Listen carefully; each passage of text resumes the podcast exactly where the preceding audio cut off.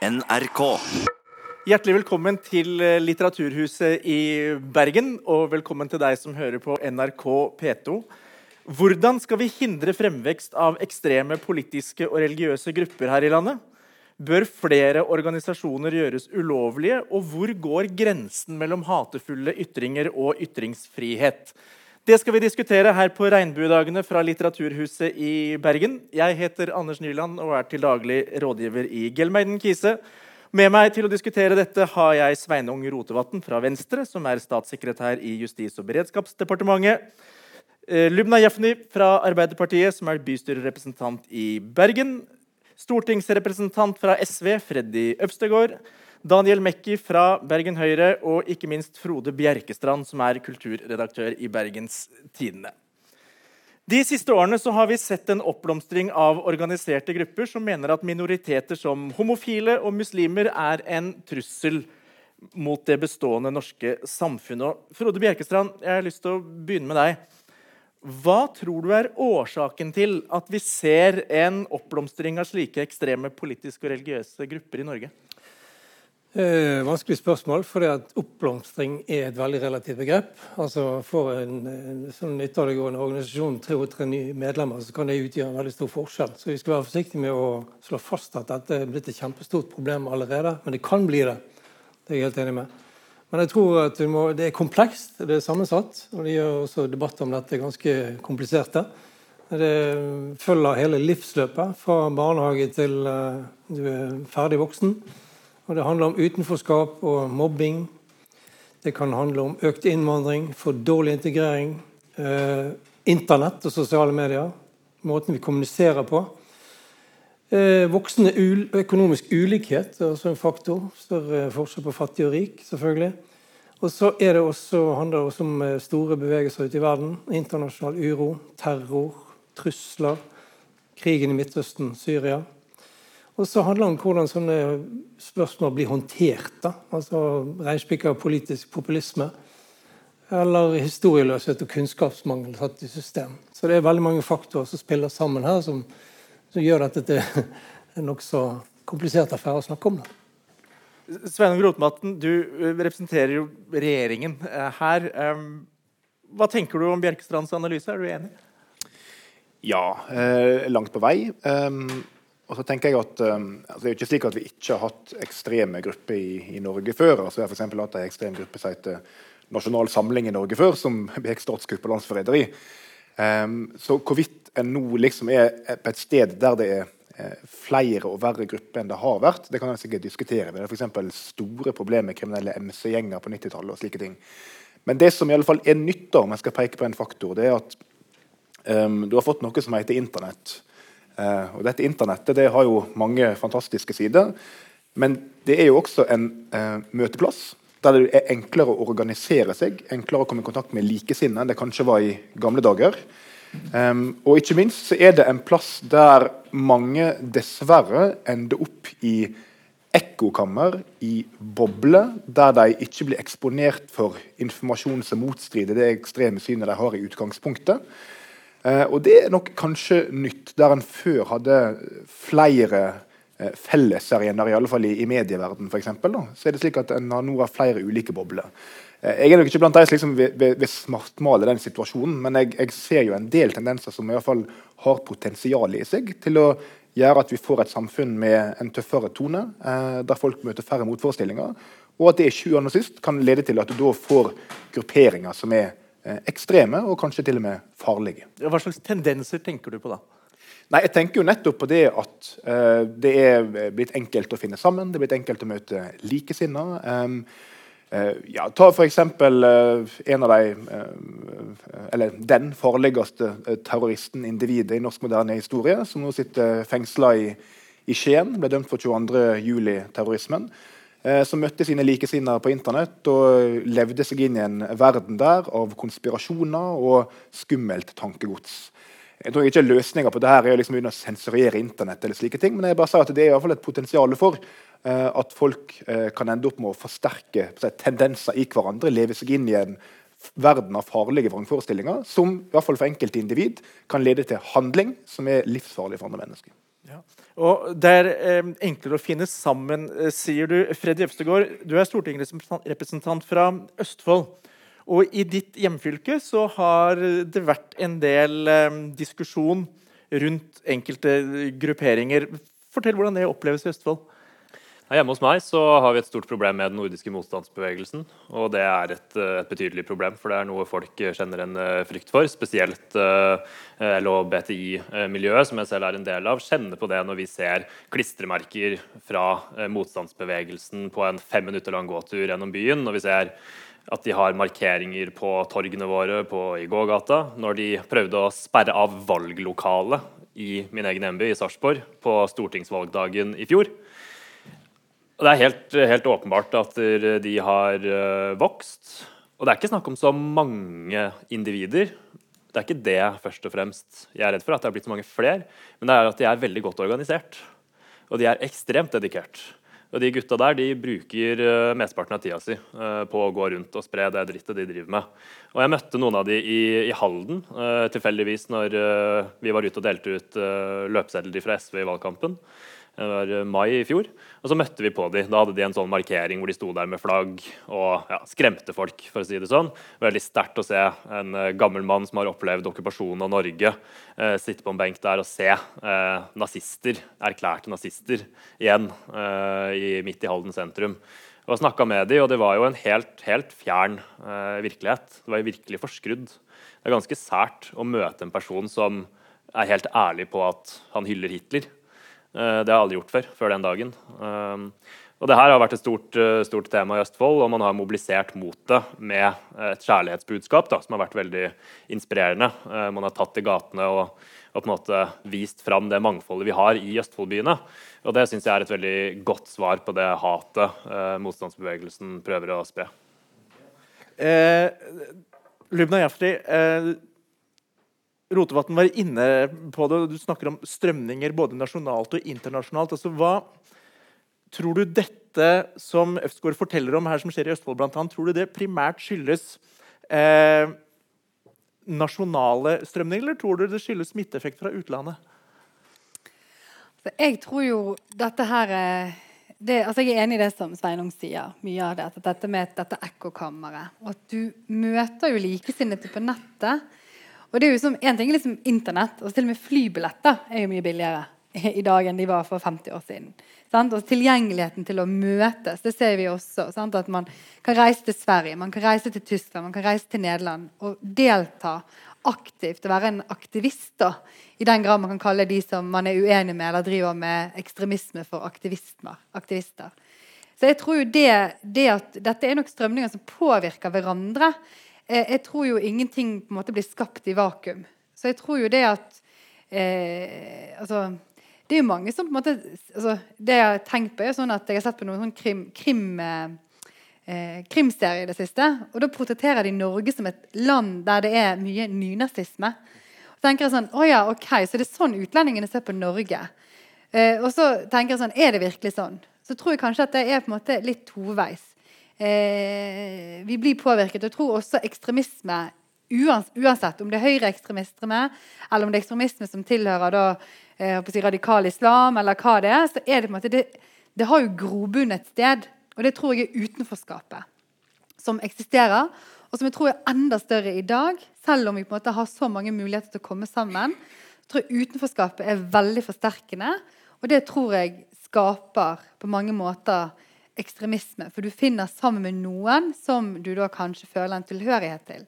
Og det er jo et samfunnsansvar som vi har som politikere. At, å bekjempe den utenforskapen. Eh, og ikke la den slå rot. Det tror jeg er veldig viktig. og det altså Fattigdom, altså Midtøsten, som eh, Frode nevner. Altså, eh, krig, konflikt. Det skaper ekst, altså ekstreme strømninger og ekstreme holdninger som ikke kan rettferdiggjøres på noen som helst måte. Øvstegård? Ja, jeg er veldig, veldig, enig i det, og jeg tror det er et ganske komplekst bilde av, av forskjellige årsaker som gjør at et enkelt individ går inn i en sånn type bevegelse og et sånn type hatbudskap. Men det jeg synes er interessant, er å nettopp sammenligne det med hva som skjer rundt omkring ellers i verden, og se på dette som en internasjonal eh, tendens. da, fordi det tror jeg virkelig det er, i hvert fall i den vestlige delen av verden og i Europa. Og vi har jo sett helt siden finanskrisen i, i 08 at høyreekstreme bevegelser og varierende forskjellige sammensetninger av høyre populister eller høyre radikale, og jeg skal ikke sammenligne det ikke for øvrig, men men har gått fram. da, og Man ser jo hva de mobiliserer på rundt omkring. og det er en sånn det, det, det, på en måte nøres opp av en sånn eh, et hat, men også en, eh, en, tillit til samfunnet som har forsvunnet. Og jeg tror det ligger mye der. At det limet i samfunnet, den tilliten man har til det politiske systemet spesielt, har forsvunnet rundt omkring i verden.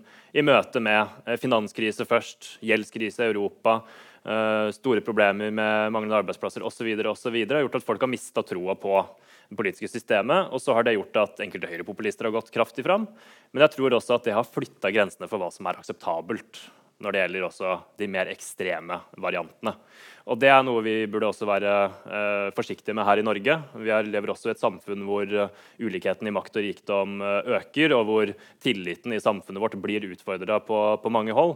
Og Det er noe vi må ta vare på, fordi det er noe av det beste med Norge. Det er noe av det som beskytter oss mot de ekstreme eh, miljøene. Mekke først, og så Rotevatn, og så skal vi skifte tema. Nei, jeg tror at uh, Det er lett å stille bak det mange har sagt, dette med alternative medier. At nyheter ikke lenger er nyheter. Uh, at du har uh, uredigerte sider som etter hvert vokser frem som en sannhetskilde. Som da virkelig ofte avsløres som, som ren løgn, propaganda. Vi har sett Jeg er selv skyldig og har delt for, en, for to år siden et dokument som viser seg å være falsk. Altså så er det ren forfalskning.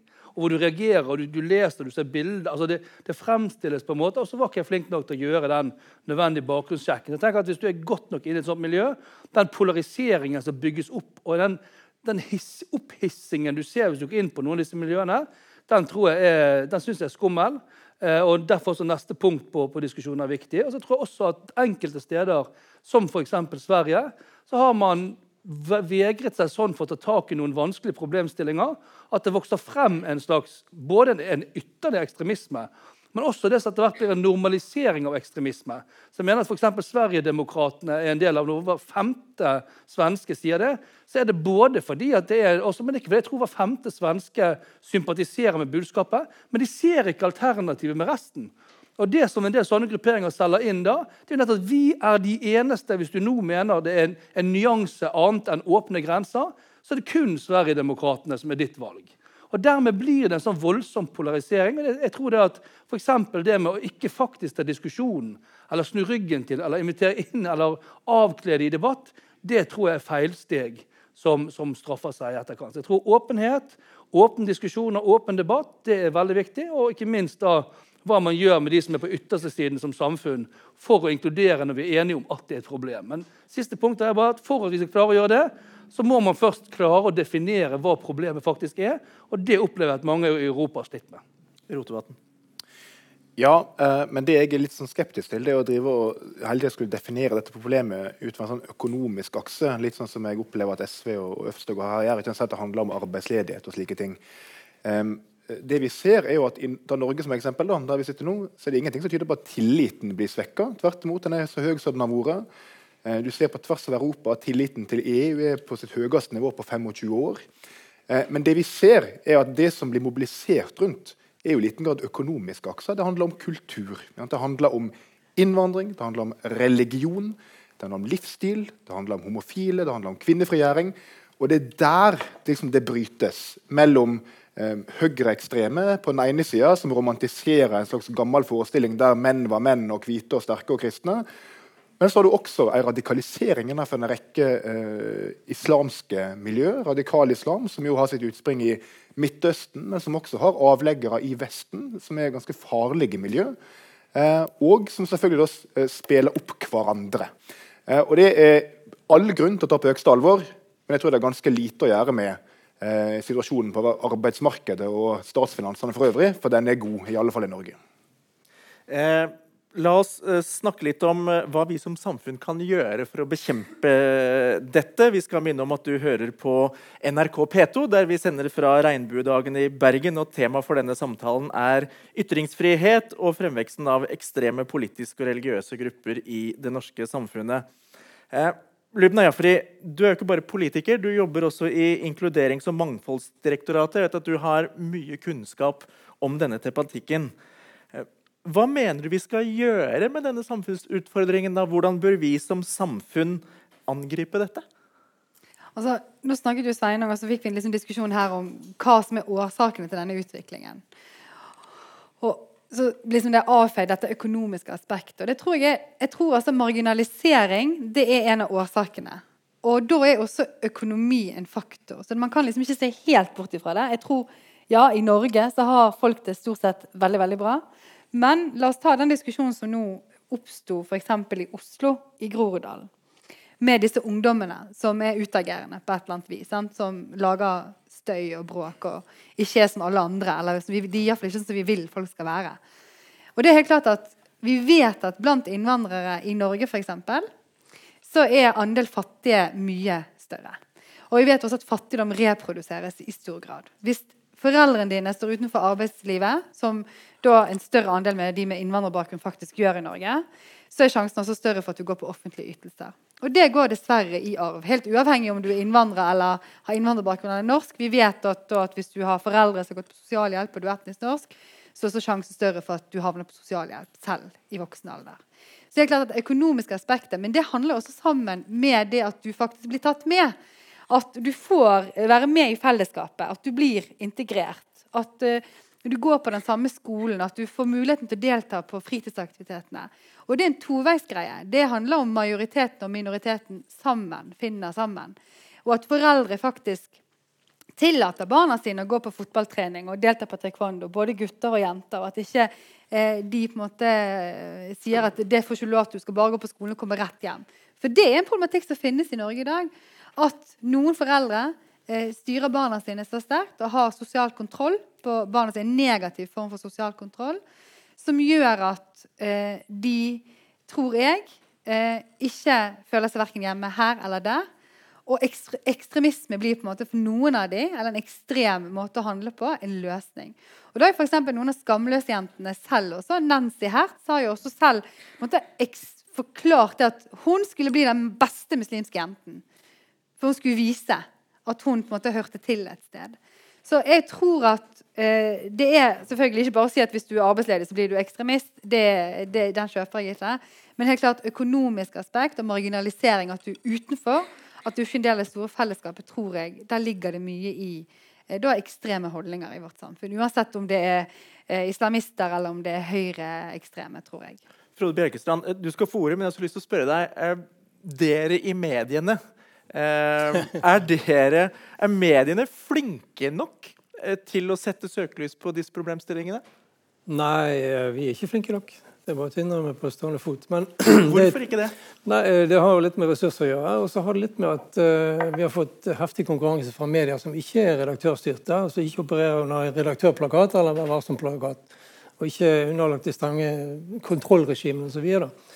Så vi blir løpende etter og kanskje prøve å korrigere og bli opptatt av eh, de mer sånn ytterliggående sidene. Men det, det jeg syns er interessant, er at dette som politisk felt er en kampsone. og Det viser jo det tilløpet til denne debatten. her. Den er preget av politisk ståsted og ideologi, og får kanskje veldig mye oppmerksomhet i forhold til andre politiske områder som fortjener kanskje eldreomsorg, skole, barnehage. Øh, ja, øh, kommuneøkonomi, ikke minst. Som også er utrolig viktig for å håndtere denne politiske problemstillingen. Sant? Det handler ikke bare om eh, eh, inkludering, integrering, innvandring. Det er faktisk utrolig stor enighet om innvandringspolitikken i Norge på Stortinget i dag. Vi har digert forlik. Det er det nesten ingen som snakker om engang. Fordi at markeringsbehovet er kanskje litt sterkt her og der. Og det er jo forståelig. Men jeg er bare, jeg, jeg, du sa noe her fra Østfold som var utrolig interessant at når dere opplever en sånn aggressiv fremvekst av nynazisme i, på ditt hjemsted i Sarpsborg, så reagerer dere. Altså Enhver reaksjon får en motreaksjon som er utrolig sunn og fin. Det mobiliserer. Dere går på gatene og viser at dette er totalt uakseptabelt. Her går grensen, og vi skal vise at det bor noe bedre i oss som samfunn. Jeg tror det er et eksempel også på mikroplanet eh, som er veldig sunt og mobiliserer det beste i folk.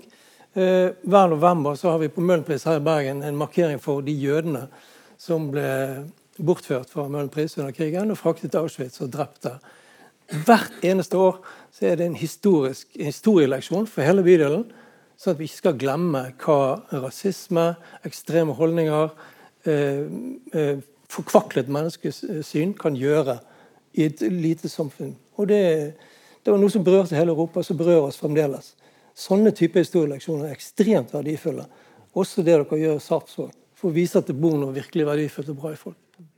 Men, men Rotevatn, hvorfor, hvorfor politiserer dere dette, som Bjerkestrand sier, når det egentlig er bred enighet politisk på dette feltet?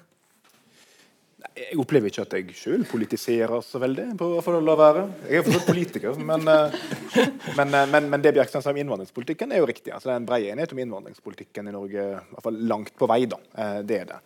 Nå tror ikke jeg det egentlig handler så fryktelig mye om innvandringspolitikk, for å være helt ærlig, men, men, men en side av det kan en selvfølgelig diskutere. Det som jeg opplever som en større utfordring, som Bergstrand også er inne på, det er at når du får en situasjon som, som koker over, så å si, da, Eh, slik du jo har sett i, i, deler av Oslo den siste tida, så har blitt en liksom nasjonal debatt. Eh, så kommer Europa om veldig sånn kortsiktige tiltak. ikke sant? Altså, du skal ha mer politi. har Stortinget vært veldig opptatt av Nå at nå, nå må vi liksom sentraldirigere mer politi til Oslo øst. Eh, og det blir satt inn mer politi der. Men, men, du skal jo også være klar over at i det politiet blir løsninga, så er det jo for seint. og det er kanskje vanskeligere å få politisk kred for det som er tiltak som ikke gir resultat neste uke, men som gir resultat om 20 år. Særlig i form av resultat av at noe ikke skjer. Eh, og Det kan jo handle om å skape trygge bu- og oppvekstmiljø. Det handler om gratis barnehagetilbud, det handler om å få voksne i jobb. Eh, det handler om byutviklingsspørsmål, hvordan legger du opp bostruktur? altså Alt det der. Eh, men, men politikk er nå en gang slik, da, tror jeg, eh, eller veit jeg, eh, at du må du må eh, på sett og vis svare for disse velgerne eh, annethvert år. Eh, og Da blir politikere drevet inn og gjør en del kortsiktige tiltak. Så får vi bare krysse fingrene for at han også samtidig gjør de langsiktige tiltakene. Og det kan i hvert fall jeg si at Fra vår side i Justisdepartementet så er vi veldig opptatt av det. Da har Jafri bedt om en kommentar til det, og så Øvstegård etterpå. Altså, ja, altså jeg tror vi er langt på vei enige, men, men det som er viktig, for, for, siden vi da diskuterer i Bergen, på Litteraturhuset, og Groruddalen i Oslo Men poenget er jo det at sånn, det illustrerer noe veldig viktig. Og det er sånn som du sier, dette med det kortsiktige versus det langsiktige. Hadde man hatt nok, nok fritidsklubber i Groruddalen altså, Det høres kanskje veldig sånn 90-talls ut, men jeg tror faktisk på det. Jeg hadde en fritidsklubb å gå i, eh, og det gjorde, altså, har vært med å gjøre meg til den jeg er. Bokbussen høres også veldig 90-talls ut gjorde meg til den jeg er. Altså At man har ordentlig, skikkelig tilbud. Sant? Og så kan ikke regjeringen løse eh, alle disse problemene. fordi at alle mennesker i Norge bor i en kommune. Og kommunepolitikken sånn som Frode påpeker, er da veldig viktig. Sant? Men så er det interessant, sant? for Oslo har da i veldig, veldig, veldig mange år vært styrt av en annen politisk konstellasjon enn de som sitter med makten i dag. Eh, og eh, hva har vært gjort i de årene? Sant? Så trenger ikke vi liksom å snakke om alt som snøen som falt i fjor. og sånt, Men det er på en måte interessant. Og tilbake til det som er mitt hovedpoeng i denne debatten, er at marginalisering, utenforskap, skaper ekstremisme i alle retninger, tror jeg. Da er det Øvstegård først, og så er det Mekki, og så er det Rotevatn.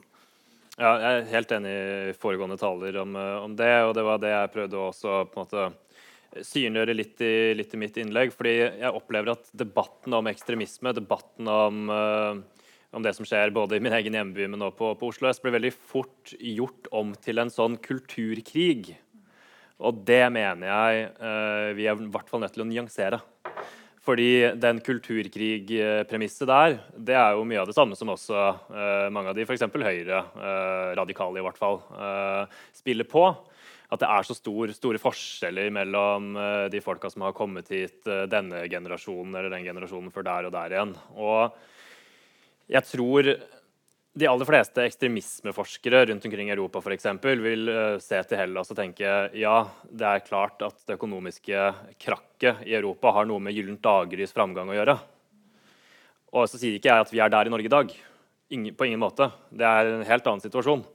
Men det handler om tillit uansett. Og når tilliten har blitt brutt ned mot det demokratiske systemet vi har, så gjør det at den typen ekstreme holdninger kan vokse fram. Og Det er det spørsmålet jeg også stiller når det gjelder f.eks. høyreekstremistene her i landet. Hva slags, hva slags, budskap er det de har? Det er et veldig sånn antielitistisk budskap, egentlig. Det er jo både homolobbyen, som en sånn allmektig på en måte, homofil elite eh, som, eh, som, sitter og styrer eh, på Stortinget, eller hvor de, hvor de, gjør. Det er mediene, ikke minst, også en sånn, sånn skummel, fjern elite.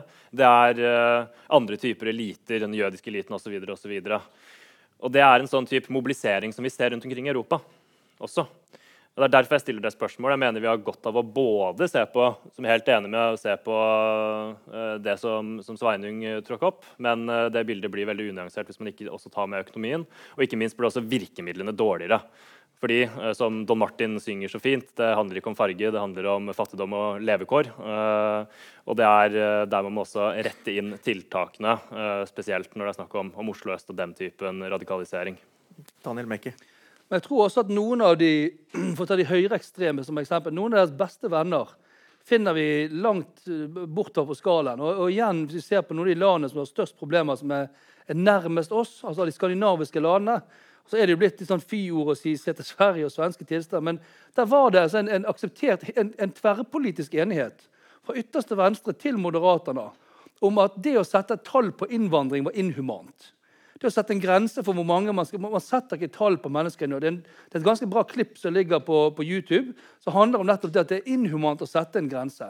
Det som skjer når du da får inn mer mennesker enn systemet takler, så spiller du på lag med de ytterste høyre. Og slik at Der er jeg helt overbevist om at en del av fremveksten av de vi liker minst, er nettopp fordi at ikke man på et tidspunkt kunne sagt at ok, vi mener vi skal hjelpe. Det finnes de som sier at vi skal ha en grense. Det skal være et fornuftig nivå på, på innvandringstallet. Det syns jeg er fornuftig. Der tror jeg at, at andre nabolandene til Sverige har gjort annerledes. Og jeg tror at en del av de dessverre problemene som nå kommer der, har en, en direkte konsekvens. Og så et siste punktet der, så er det et lite spark til, til både høyre og venstre, altså høyresiden og venstresiden i norsk politikk. Um, og det er jo det, f.eks. New Page, som mange kjenner til. Um, som, var, som, funket så bare det. De reddet ungdommer, de fikk mange inn, de var på ungdommens premisser. Uh, det var altså en, en, organisasjon som var ute og jobbet i det daglige. Sammen med politiet, grensesetting. De fikk masse til. Og så sa man det at ja, dette skal konkurranseutsettes for enhver pris. Kom inn, Det ble mye lavere og mye vanskeligere. Det er jo både særlig høyresiden som, som også pusher en del på, det. Mens venstresiden igjen, vi private aktører, selv om det funket. Så for, for en del på venstresiden så mente at det var det horribelt at noen skulle sitte igjen med mulighet til å kunne tjene penger på noe som funket. Da tenker jeg at Hvis begge sidene i politikken legger vekk det, hva er det som faktisk fungerer? Og Vi glemmer litt i de ideologiske skillelinjene og sier at dette virker fordi vi hjelper. Så får det være om det er sånn eller sånn eller offentlig eller privat. For alt det ligge, da. For dette er så jævlig mye viktigere hvis vi har lyst til å lykkes med det vi holder på med. Sveinung Rotevatn. Jeg tror i alle fall det som er viktig om en skal lykkes, eh, er at en snakker med hverandre, eh, og ikke om eh, de andre. Enten du er i, Groruddalen eller i Bergen eller hvor det måtte være. og jeg synes Et liksom godt eksempel på det for noen år siden det var at det var jo en, bakgrunnen var at det var en spent situasjon på Gazastripa. mye konflikt der. Og så fikk du noen voldsomme demonstrasjoner i Oslo, med særlig unge muslimske gutter som kasta stein og angrep den israelske ambassaden osv. Eh, og I etterkant av det så var det en kollega av meg i Venstre, eh, Abid Raja, som tok initiativ til å ta en rekke sånn dialogmøte. Der han inviterte disse guttene inn eh, og lot dem møte eh, motstand, motargument. Eh, bakgrunnen for eh, tankegodset til mange av det her var jo en sånn ganske djup antisemittisme. egentlig, så det var opplært til, sånn jødehat. Eh, Summen gjennom de møtene klarte å ganske langt på vei få bukt med. I alle fall med de miljøene og de individene. Og Det tror jeg handler om at den ble tatt på alvor. At den fikk lov til å sitte og snakke ut eh, og si det en mente. Og så ble en møtt med motargument, eh, og ikke møtt med andre ansikt. Eh, jeg fikk møte jøder, jeg fikk møte kristne, hvite, folk med annen bakgrunn. Og jeg tror at Det, det høres kanskje litt sånn drømmende og banalt ut, men jeg har faktisk litt tro på det. altså. Det At en treffer hverandre, og ikke sitter liksom på hver sine berg, hver sin side av byen, og snakker om hverandre og de der borte, og hvordan de ikke klarer å oppføre seg, og alt det dumme de tror på. Ok, takk. Vi skal fortsette samtalen om ytringsfrihet fra regnbuedagene i Bergen her på NRK P2. Vi har altså med oss Sveinung Rotevatn fra Venstre, som er statssekretær i Justis- og beredskapsdepartementet. Lubna Jafri, bystyrerepresentant for Arbeiderpartiet i Bergen. Freddy Øvstegård, som er stortingsrepresentant for SV, Daniel Mekki fra Bergen Høyre og Frode Bjerkestand, som er kulturredaktør i Bergens Tidende. Nå skal vi snakke om eventuelt forbud mot det som kalles ekstreme grupper. Og Sveinung Rotevatn, i straffeloven så har vi en egen paragraf, paragraf 185, som du vet, som slår fast at det er straffbart å fremsette en diskriminerende eller hatefull ytring. og som ytring regnes også bruk av symboler. Gir denne såkalte rasismeparagrafen som den kalles, eh, norske minoriteter et tilstrekkelig vern mot forfølgelse fra ekstreme grupperinger, som de Øvstegård forteller om fra Østfold, eksempelvis? Um, det kommer nok litt an på hvor tungt du vil vekte ytringsfridommen på den andre sida. Um, for En kan alltid tenke seg et stadig strengere vern mot å bli utsatt for ytringer. Um, men på et eller annet punkt der så må det gå ei grense, mener i hvert fall jeg ut fra mitt liberale ståsted. Og det mener i og for seg også Grunnlova ut fra sitt liberale ståsted. Eh, at det er et selvstendig og svært vektig poeng at folk kan ytre seg. Også på måter som andre misliker eller blir djupt støtt av.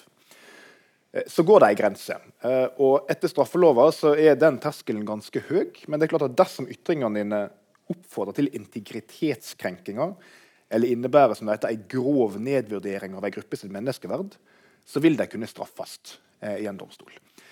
Eh, og eh, dette er jo en eh, heimel som ikke er mye i bruk, for å si det sånn. Det, det er sjelden at noen blir straffet etter det her, men det skjer.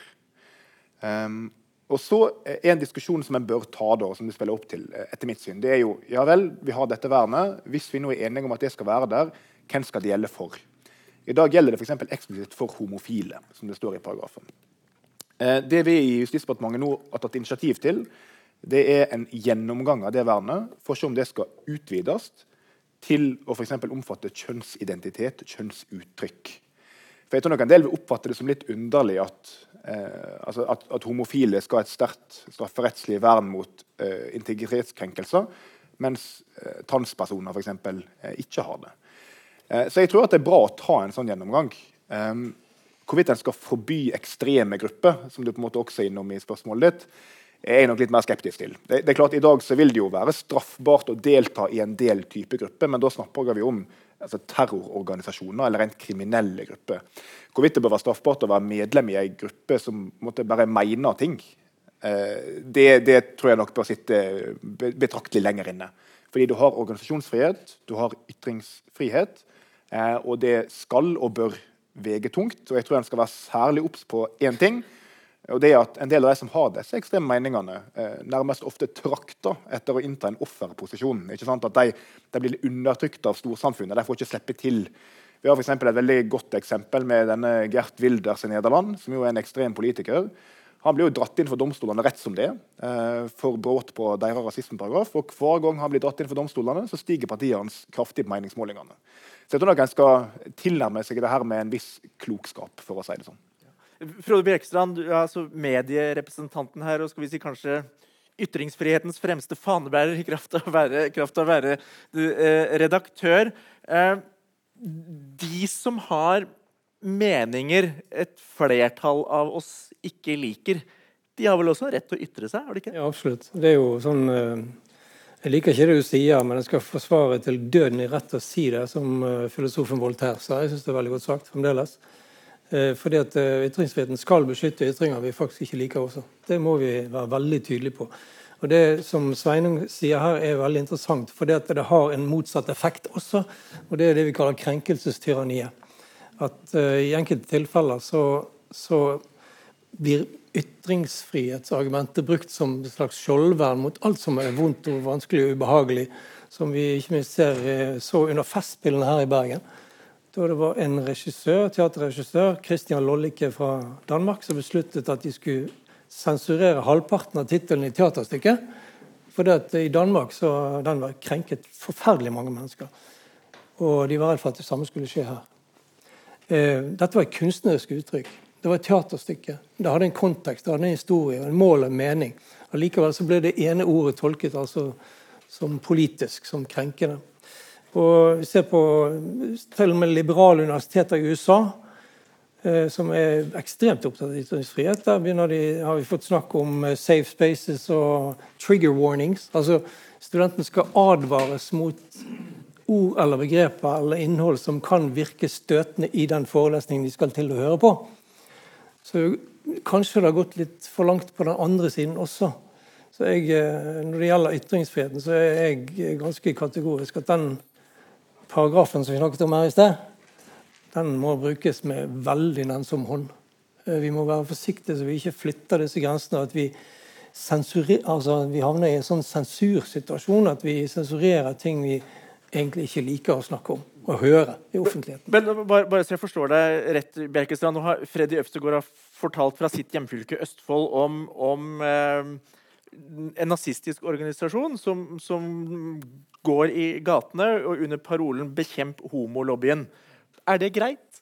Må de få lov til det? Jeg syns de må få lov til det. Fordi, eh, og, eh, jeg, jeg, mener at det kommer inn under den ytringsfriheten som er nødvendig for å ha en sunn og oppegående debatt. Ikke minst for at vi, som du kaller vårt eh, vi i flertallet, skal forstå og ha kunnskap om at sånne grupperinger faktisk eksisterer, at de er der, og at de må bekjempes. Og Det gjorde Sarpsborg på en helt glimrende måte. De taklet på den absolutt beste måten å motmobilisere, argumentere og vise at det finnes ekstremt gode holdninger kollektivt der ute. Det er jo altså en veldig stor verdi. Er du enig i det, Freddy Øvstegård? Jeg er enig i mye av det som blir sagt. Det er jeg. Men jeg mener likevel at vi egentlig diskuterer litt to forskjellige ting. At vi må trekke opp et litt sånn prinsipielt skille her. Fordi ja, jeg mener at man ikke skal nødvendigvis stramme noe inn på, på måte, begrensninger i ytringsfriheten fordi dette er noen krenkende ytringer, og så sammenligner man det med hele den der identitetsdebatten fra USA. Det mener jeg er liksom det er, det, det er, ikke det, jeg er opptatt av. da. Det jeg er opptatt av med f.eks. den nordiske motstandsbevegelsen og er også, De er jo på, på header-bildet til dette arrangementet, så det er liksom, jeg opplever at de er litt sånn til stede her. Uh, det er de vi snakker om mye. Når vi snakker om de, så er det jeg er opptatt av, er at dette er en farlig form for organisering. Hva mener du med det? Det er ikke ytringene deres som bekymrer meg, det er organiseringen deres. Og dette er en organisasjon som er en avlegger av sitt svenske og finske eh, søsterparti, om man skal kalle det det.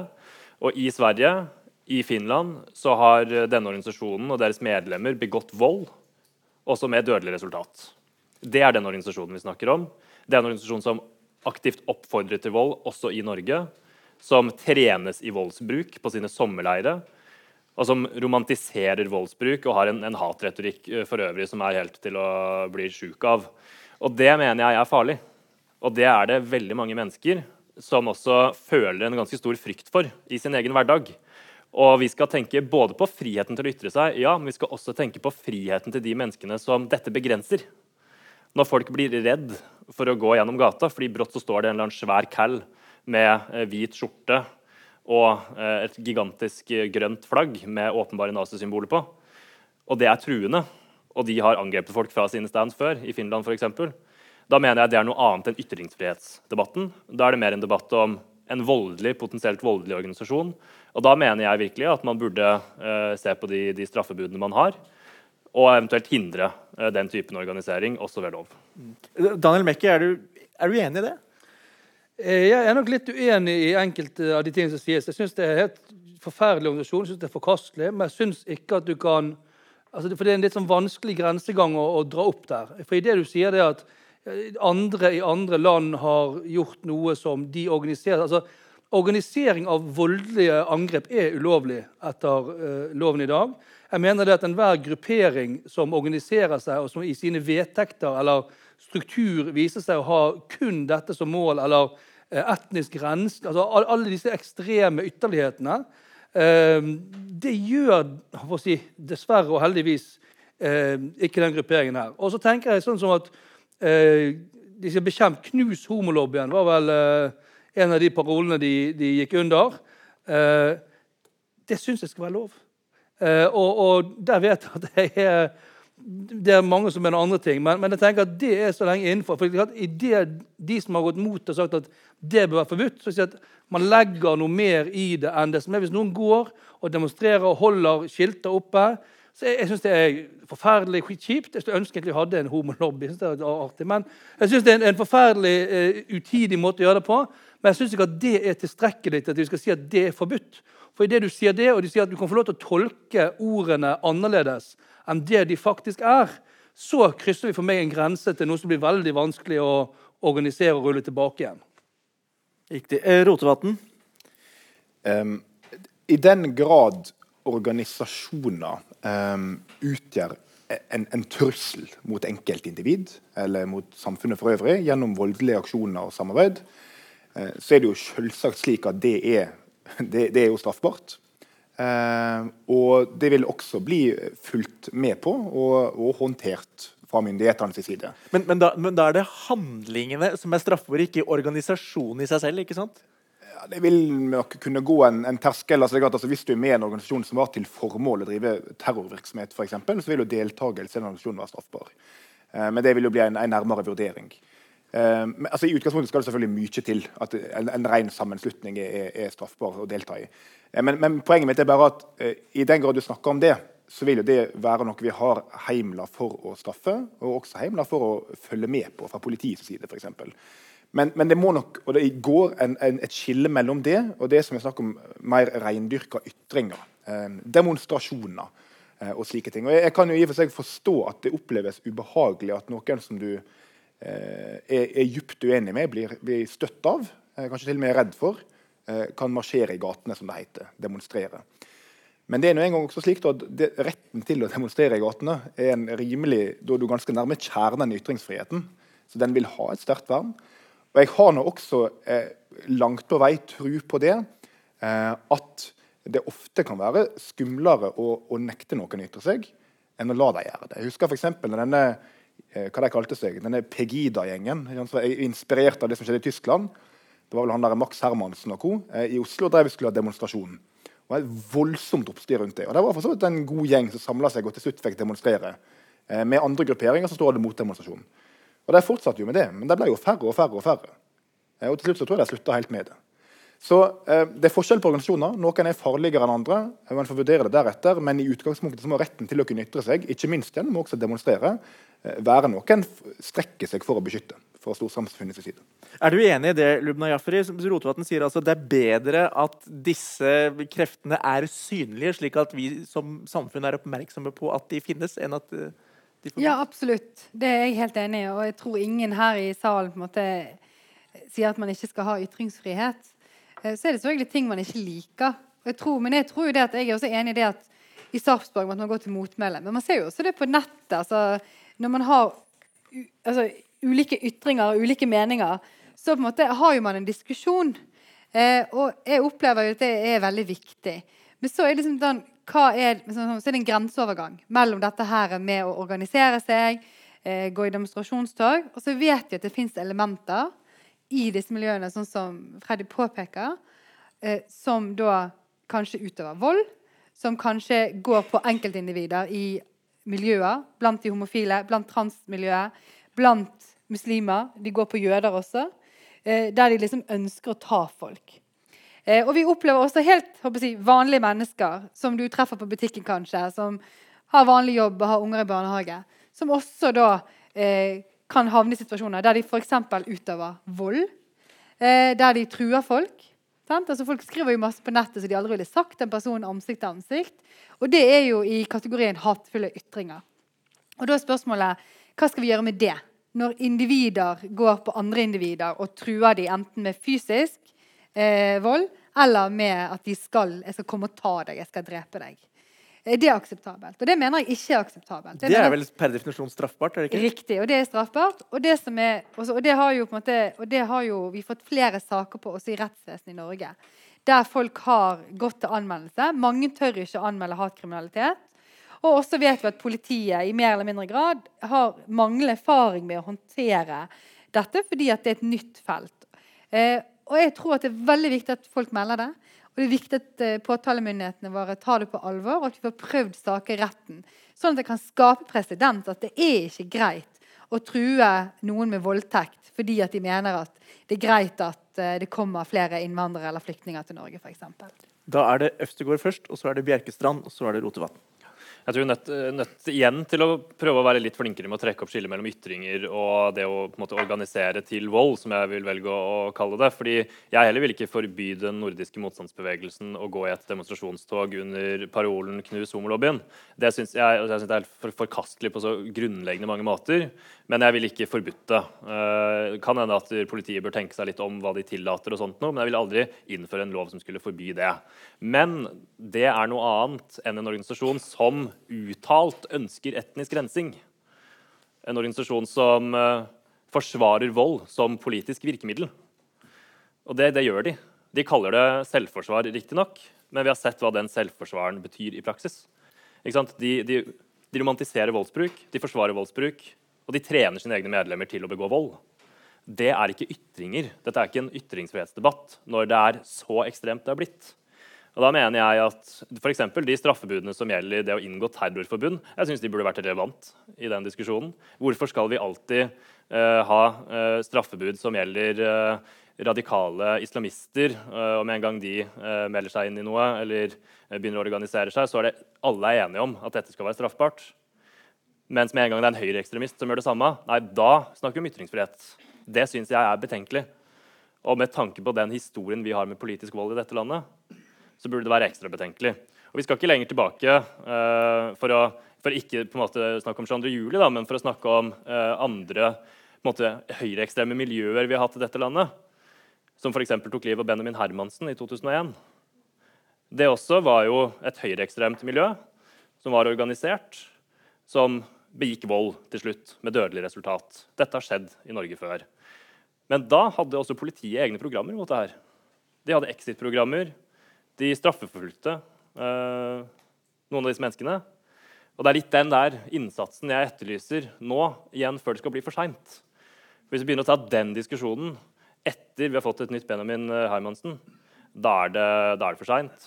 Og jeg skal ikke krisemaksimere at det kommer til å skje, eller noe sånt nå, men jeg syns det er noe noen spørsmål vi er nødt til å begynne å stille oss. Og dette her handler om en farlig form for organisering som truer mennesker, gjør folk blir redde, det begrenser deres frihet. Og jeg mener at vi burde stoppe det før det er for seint.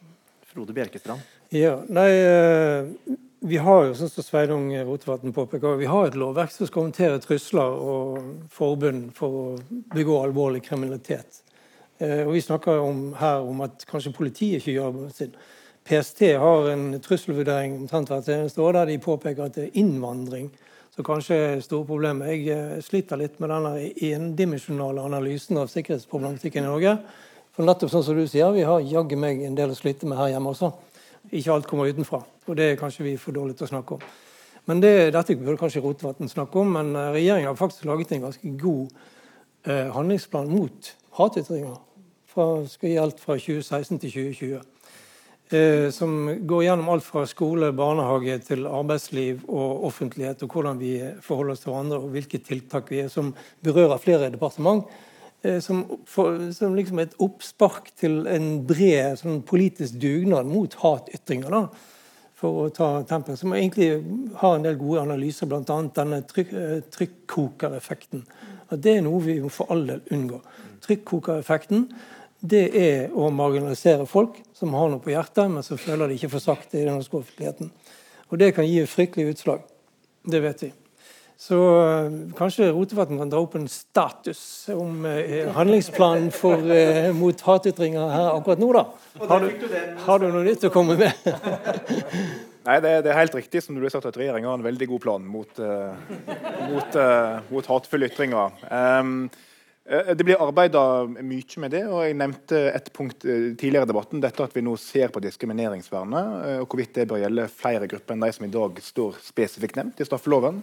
Eksempelvis at det skal gå inn i seksuell orientering.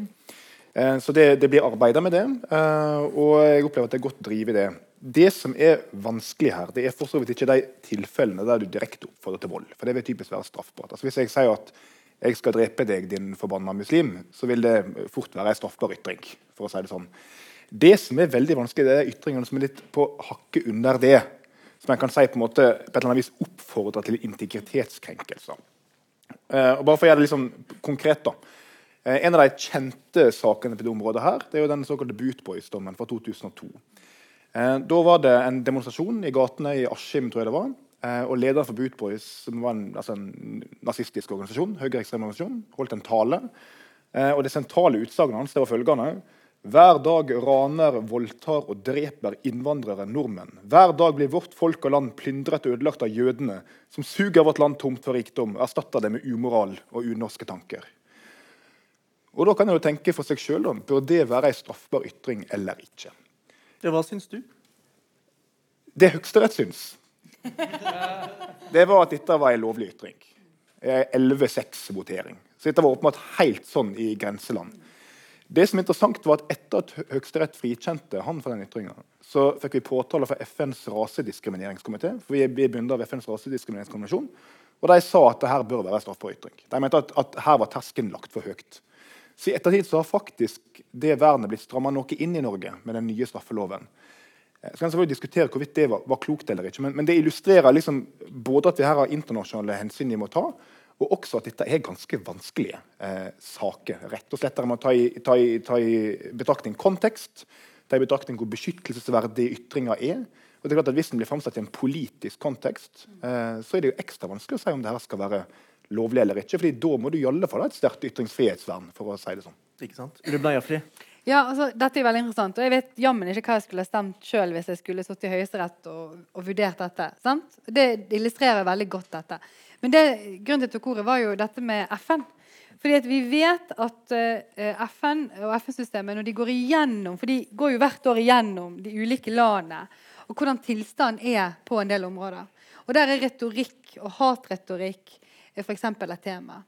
Og FN har flere ganger påpekt at Norge ikke har et godt nok vern Eh, og da, De trekker i en annen retning. og Det kan jo handle om da, at vi er veldig liberale. og Grunnloven er også liberal. og Man er liberale tross alt eh, hvilket parti man tilhører i Norge, fordi at man mener at ytringsfriheten er viktig.